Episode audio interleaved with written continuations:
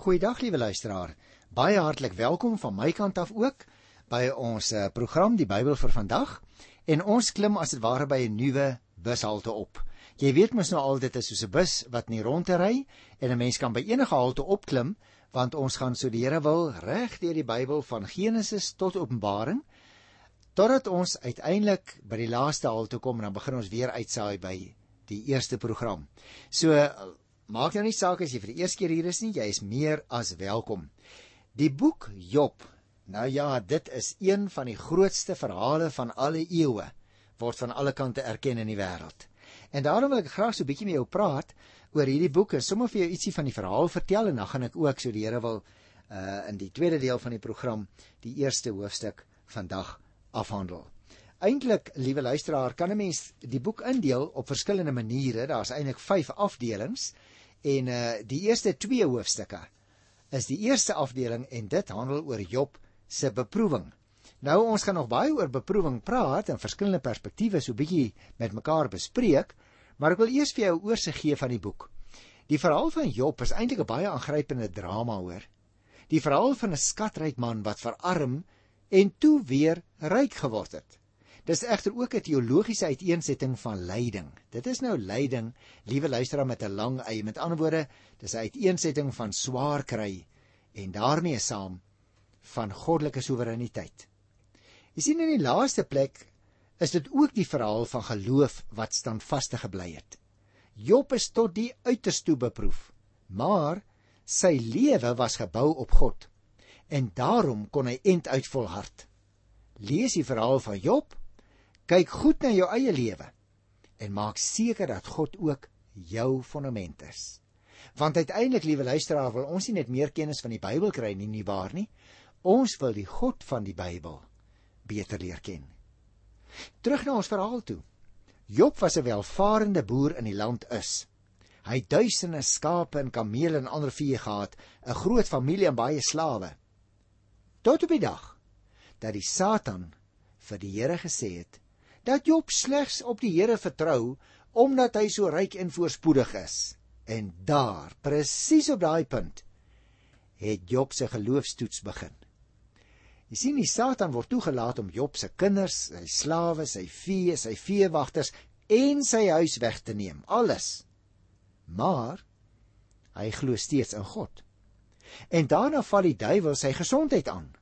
Hy kry seere oor sy hele liggaam sy vrou sê later vir hom om God maar liewer te vloek en dan moet hy maar sterwe. Daar in Hosea 2 vers 9.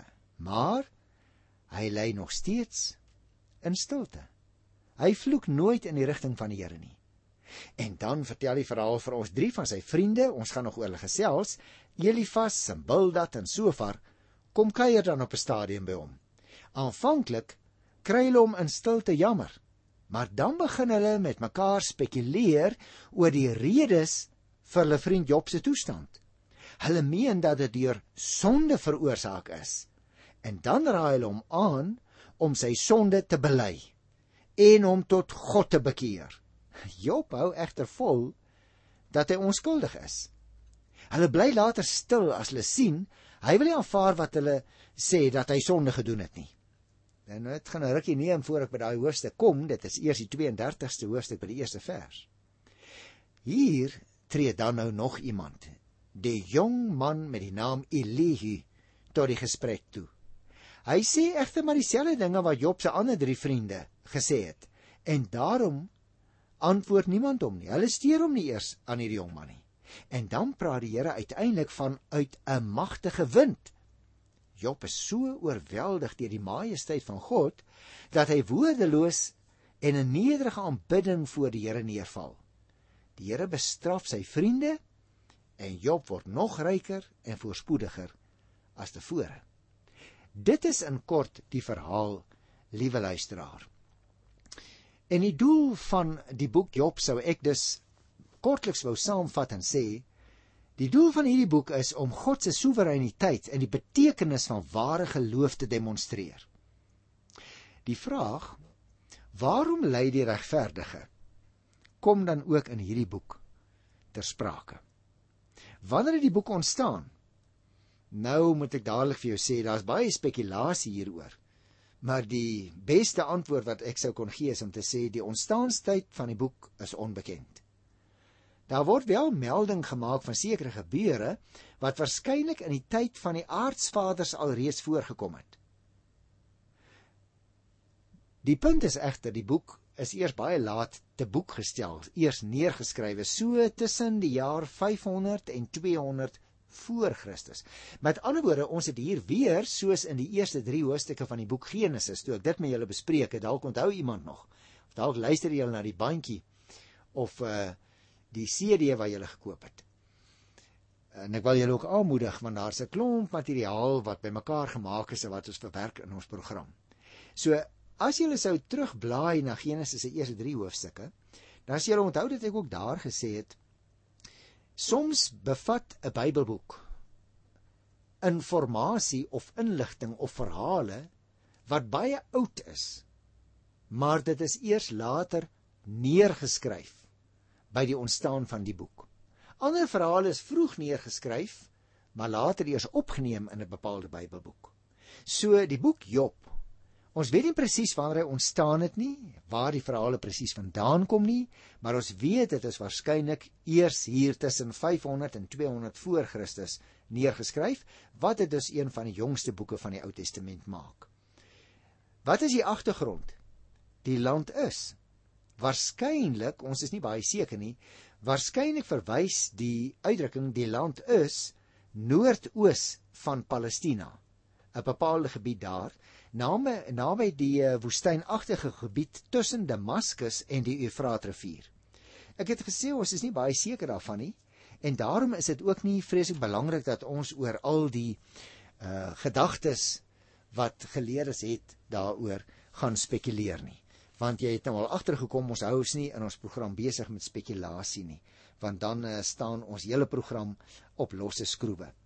Nou voordat ek nou die detail van die eerste hoofstuk behandel, wil ek eers so 'n bietjie met jou gesels hoekom gebeur slegte dinge met goeie mense.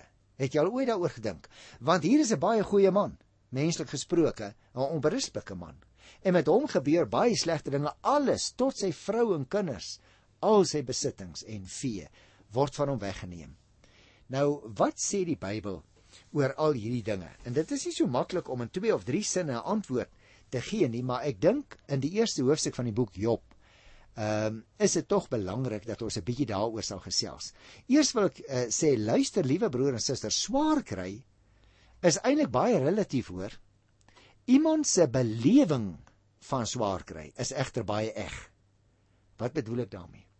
Ek bedoel twee persone kan langs mekaar staan. Hulle sê al twee vir jou ek kry verskriklik swaar. Maar as jy na hulle omstandighede gaan kyk, dan sien jy die druk wat op die eerste persoon is is verskriklik groot. Die druk op die tweede persoon, sy swaar kry is in 'n sekere sin kan jy nie eers vergelyk met daai eerste ou sinne nie. Maar omdat mense se persoonlikhede verskil, beleef hulle albei hulle swaar baie eg en baie erg. En die dinge as gevolg waarvan mense swaar kry is natuurlik baie wyd uiteenlopend. Kom ek noem 'n paar voorbeelde. 'n Jong dametjie wat 'n teleurstelling gehad het, spoel op 'n dag daar by my uit in die spreekkamer. Nou haar swaar kry lê op die emosionele vlak. Een keer jare gelede het 'n mooi jong man my kom sien. Hulle het hom eintlik daar ingebring. Uh Hy was in 'n motorfietsongeluk en hy het baie swaar gekry daarna geestelik. Sy swaar kry lê in die eerste plek op die fisiese ter vlak. So die dametjie met die liefdesteleurstelling op emosionele vlak. Die ou wat liggaamlik seer kry het op die fisiese vlak, daar lê sy lyding. Iemand kom byvoorbeeld uit 'n situasie waarin hy nie regtig norme geleer het nie sy lyding sal op die morele vlak lê want hy word rondgegooi tussen lewensvrae so wat is reg en wat is verkeerd? En dit veroorsaak vir hom groot lyding want sy agtergrond het nie vir hom gehelp om maatstawwe op die morele vlak aan te leer nie. Dit is maklik om vir hom te sê man die Bybel is jou maatstaf. Maar dan weet hy nog nie hoe om die Bybel te hanteer nie. Iemand anders worstel byvoorbeeld weer op sedelike terrein Waar sal so 'n ou vra, waar lê die grens? Waar lê die grens tussen wat geoorloof is en wat nie? Nou hierdie persoon worstel daarmee. En dit gee hom pyn en lyding. Jong mense sal sê hierdie ou het net grief en sorrow. Want sedelike vlak vir jong mense is 'n baie belangrike saak. Daarom moet ons ook onthou luisteraars, lyding kan selfs lê op die terrein van die godsdienstige vlak. Klomp jaar gelede moes ek 'n diens hou van 'n dogtertjie wat 12 jaar oud was en wat uh verdrink het in die swembad by haar ouerhuis. En daardie ouers het op godsdienstige vlak geweldige lyding begin verduur. Verskriklike selfverwyte. Die meeste lyding, wil ek amper vir jou sê in ons tyd lê op die gesinsvlak wat betref molestering en alkoholisme, selfs op die vlak van egskeiding. En dit raak soms buite mense se beheer. En daar is nie maklike oplossings vir hierdie goed nie selfs as mense aanvaar die vergifnis wat die Here vir hulle gee in Christus. Selfs dan bly mense soms nog steeds 'n gevangene. Bly hulle steeds ly aan dinge wat vir hulle swaar is. Nou, ek het nou hierdie verskillende vlakke genoem, liewe luisteraars, want ek is seker jy kan met een van hierdie voorbeelde identifiseer. Want op een of ander stadium in ons elkeen se lewe het elkeen van ons ook al swaar gekry Is dit nou emosioneel of fisies, moreel of sedelik, selfs godsdienstig of op gesinsvlak? Een of ander tyd kry ons almal baie swaar. Nou is die vraag, wat sê die Bybel oor hierdie dinge? En weer eens is dit nie 'n eenvoudige antwoord wat ek vir jou kan gee nie.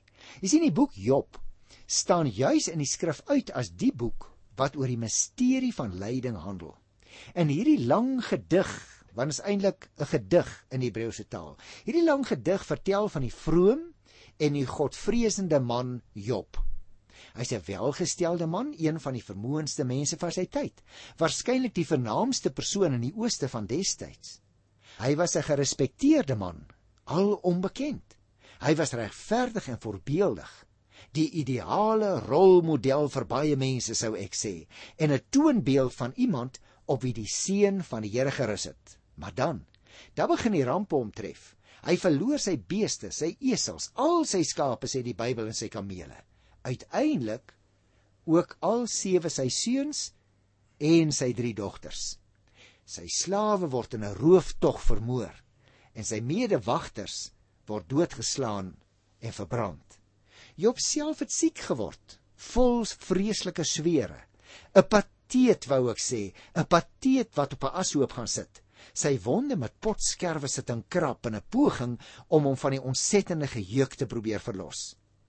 Nou as jy hierdie verhaal gaan lees in die Bybel, luisteraar, dan sal jy sien hoe sy vriende later gekom het om hom te probeer troos. Maar hoe meer hulle gepraat het, hoe moedeloser het hierdie man geword. Sy vriende het homself partykeer verwyd, hom op sy sonde gewys en sy vroomheid allerhande lesse probeer uitwys wat die Here hom dan sou kwansys sou wou leer. En tog tog word die misterie van sy lyding nooit regtig opgelos nie. Nou wat leer ons hier uit? Ek wil graag drie kort opmerkings maak. Nommer 1. Ons kan onderskei, lyk dit vir my tussen wat teoloë soms doen, almal aanvaar dit nie so nie, maar as 'n groep mense wat sê ons moet onderskei tussen die rigtende en die toelatende wil van die Here. En dan word verwys na Adam en Eva. Die Here sê vir hulle, ek wil hê julle moet in hierdie rigting loop, julle moet hierdie dinge doen en dat nie doen nie. Dis die rigtende wil van die Here volgens hierdie siening. Maar dan doen hulle verkeerd. Ja, die Here sê hulle kom verhoed om verkeerd te doen want hy is die Here. En dit word dan genoem die toelatende wil van die Here. 'n Tweede opmerkingie. Ons weet nie regtig hoekom gelowige mense swaar kry en ly nie. Luisteraars, dit bly eintlik 'n misterie. Juist daarom moet ons baie versigtig wees om ligtelik raad te gee. Jy sien, my raaiskoot oor die hoekom iets gebeur is eintlik niks beter nie as jou raaiskoot. Kom ek noem 'n voorbeeld. Iemand het 'n ongeluk, hy verloor 'n been. Nou kom drie van sy vriende daar. Die een sê vir hom: "Man, ek dink jou lewe was nie reg nie. Die Here wil jou 'n les leer." Iemand anders sou sê jy was te materialisties. En jy het te veel klem gelê op jou sportmotor as jy in die son rondgejaag het en die ouens kon jou mooi liggaam sien. Met ander woorde, jou lewe het net om jouself gedraai. Nou as jy 'n ongeluk, jou een been is weg. Iemand anders sou sê, maar ek kan nie verstaan nie my my dogtertjie wat verdrink het in die swembad. Ek kan nie verstaan nie. En liewe luisteraar, hierdie soort van vrae wil ons soms vir mense antwoorde op gee. En dan verwar ons hulle selfs baie meer. Want ons weet nie regtig hoekom gelowige mense swaar kry en moet ly nie. Wat ons dalk eerder behoort te sê is dit: Ek weet nie hoekom jy so swaar kry nie, maar een ding weet ek. As jy aan die Here behoort, dan is die Here by jou in hierdie beproewing. Hy sal jou soos sy eie oogappel in die holte van sy hand hou. Hy sal jou op sy sterk skouer tel by wyse van spreuke, soos wat die goeie herder doen met sy skapies. So daar is die een rigting wat ek nou genoem het van die rigtende en die toelatende wil. Teologe verskil daaroor. 'n Tweede opmerking gemaak om te sê ons weet nie regtig hoe nie. Ons weet nie regtig hoekom mense so swaar kry en ly nie. Daaroor verskil mense ook. Dikwels meen elkeen hy het 'n antwoord. Mag ek 'n derde uh opmerking net maak? Soms kan 'n mens wel na jou swaar kry self ontdek wat die doel daarmee was. Maar dit is nie so maklik as jy in 'n situasie is om te besef hoekom is ek in hierdie situasie? Wat wil die Here dalk vir my leer? ook deur hierdie siekte. Dis eers later as ek op die kruin staan en ek kyk terug dan kan baie van ons sê daai situasie toe ek so swaar gekry het was my baie sleg. Maar kan vandag sê die Here het vir my iets geleer. Daarom, liewe luisteraar, tyd bring soms perspektief. Tyd gee baie keer antwoorde op moeilike vrae. Maar ook nie altyd nie. Gelukkig weet ons baie vas en seker op grond van die Here se woord as jy aan die Here behoort, verander hy uiteindelik al jou vraagtekens en uitroeptekens selfs al moet ons daarop wag tot wanneer ons die Here ontmoet.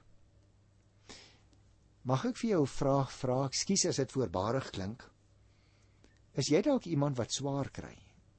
Jy wat daar aan die ander kant van die mikrofoon sit en voor die radio sit of lê miskien omdat jy swaar kry en baie siek is. Mag ek vir jou in nederigheid in die naam van die Here sy vrede gee. Sit agteroor as jy kan sit, liewe luisteraar, en weet verseker, vaster as die sitplek onder jou is die draagkrag van ons Here onder jou en bo jou en in jou. Hy verander nie noodwendig jou omstandighede en jou swaar kry nie. Maar hy is Immanuel, sê die Nuwe Testament. En ons het dit reeds gelees in die Ou Testament ook, die Here is by ons. En buig voor hom, want hy ken jou lyding, hy ken jou smart. Die feit dat jy swaar kry beteken nie die Here jou in jou eie lot oorgelaat.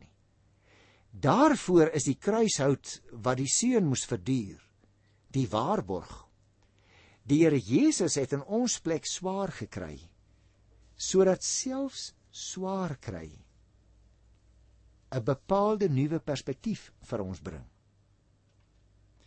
Selfs al word ons nie verlos van ons swaar kry nie. Jy sien ek het nou 'n paar algemene opmerkings gemaak oor die boek Job en oor swaar kry om vir jou te sê dit is nie so maklik om ligtelik te praat en antwoorde te gee nie. Daarom wil ek nou net voordat ons afsluit so enkele dingetjies uitlig hier uit die eerste hoofstuk van die boek. Luister wat sê die eerste vers. Job was vroom en opreg. Hy is deur Satan die aanklaer versoek. Hy moes ly. Kom ek lees dit. In die land Us was daar 'n man met die naam Job. Hy was vroom en opreg en het God gedien deur kwaad te vermy. En dan word vertel van sy omstandighede. Nou luisteraar ons beskik gewoon oor inligting wat die karakters in die verhaal van Job nie regtig vir ons verklaar nie. Daarom is daar ook 'n siening wat sê dit is 'n verhaal, dit het nie 'n historiese basis nie. soos mense soms van die boek Jona sê. Nou as jy nou vir my vra, hoe gaan jy dit vir kinders verduidelik? Dan gaan ek dit vir hulle verduidelik soos die Bybel dit vertel. Daar was 'n man Job. Met ander woorde, ons moenie die gesag van die skrif vir mense wat nog nie ervare is in die gedrang bring deur twyfel vra by hulle te los. Vra waarop ons self nie eers antwoorde het nie. Daarom sê ek self ek aanvaar dit soos dit daar staan as die waarheid. Want dit gaan nie hier in die boek oor die historiesiteit van die man Job of nie. Dit gaan oor 'n boodskap wat perspektief wil gee in die situasie van lyding ook vir die kinders van die Here. Maar baie ander mense wat glad nie eers die gesag van die Bybel aanvaar nie. Ehm um, lees die boek omdat dit so 'n geweldige wonderlike voorbeeld uit die wêreldliteratuur ook is. Ek wil afsluit met die laaste paar versies hier van vers 18 af. Hoe dat hierdie gesprek nou begin het. En dan lees ons hy was nog aan die praat, toe kom daar nog een met die nuus. U seuns en die dogters was besig om te eet en wyn te drink in die huis van hulle oudste broer. Met eens het daar 'n sterk wind van die woestynse kant af opgekom en die huis van al vier hoeke af op die kinders omgewaai. Almal is dood.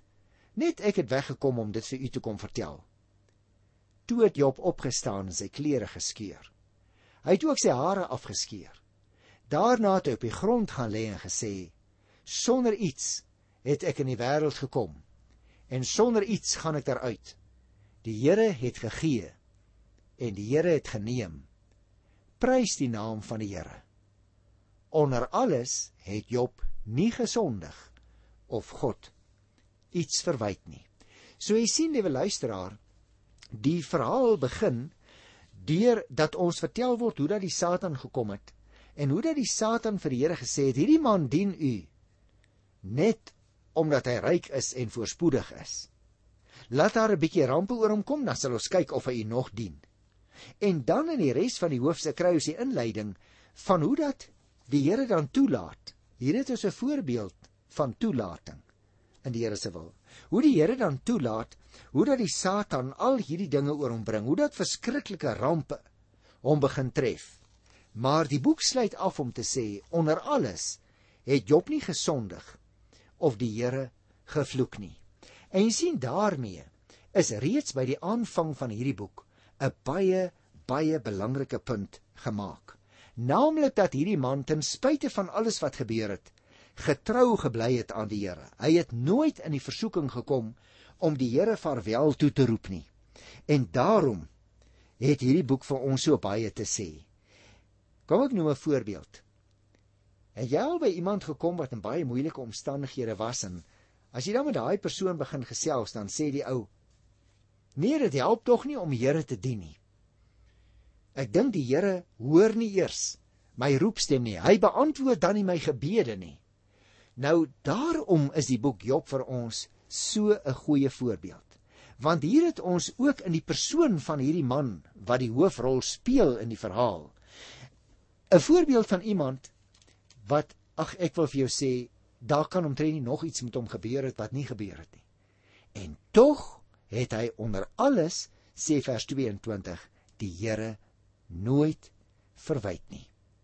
Job het dus sy hartseer nie probeer wegsteek nie. Dit beteken nie luisteraars dat hy sy geloof in God verloor het nie, maar is eerder bewys dat hy menslik was en sy familie opreg liefgehad het. Die Here het natuurlik ook vir jou en vir my emosies gegee. En dis nie verkeerd nie luisteraars, dis nie verkeerd om uiting te gee aan ons emosies nie. Net soos wat Job uiting aan sy emosies gegee het. As jy iemand is wat alles verloor het, Iemand wat 'n groot teleurstelling beleef het of gebroke is, erken teenoor jouself en ander dat jy so voel. Laat jouself selfs toe om te treur. Want dis nie verkeerd nie en dit is verseker ook nie sonde nie, hoor. Tydens die eerste aanslag van die Satan het Job sy besittings en sy familie verloor, maar hy het nog steeds God se soewereiniteit oor alles wat hy ontvang het erken. Hy het dus reg opgetree. Job het die toets geslaag. Hy het bewys dat 'n mens die Here kan lief hê vir wie die Here is en nie vir wat die Here gee nie. Het jy al daaroor gedink? En dit is baie belangrik, liewe luisteraar. Uit Job se gebed blyk juis dat die Satan sy uitdaging van vers 11 verloor het. Dis 'n gebed waarin Job self op niks aanspraak maak nie. Hy praat van die Here. Die Here maak 'n mens se lewe vol en leeg. Dit leer ons ook in Prediker 7 vers 14. Daarom hoop ek jy gaan saam met my die reis deur die boek Job baie geniet. In ootmoed voor die Here buig ten spyte van jou en my omstandighede partykeer wanneer ons ly. Ek groet jou in sy wonderlike naam tot volgende keer. Tot dan. Totsiens.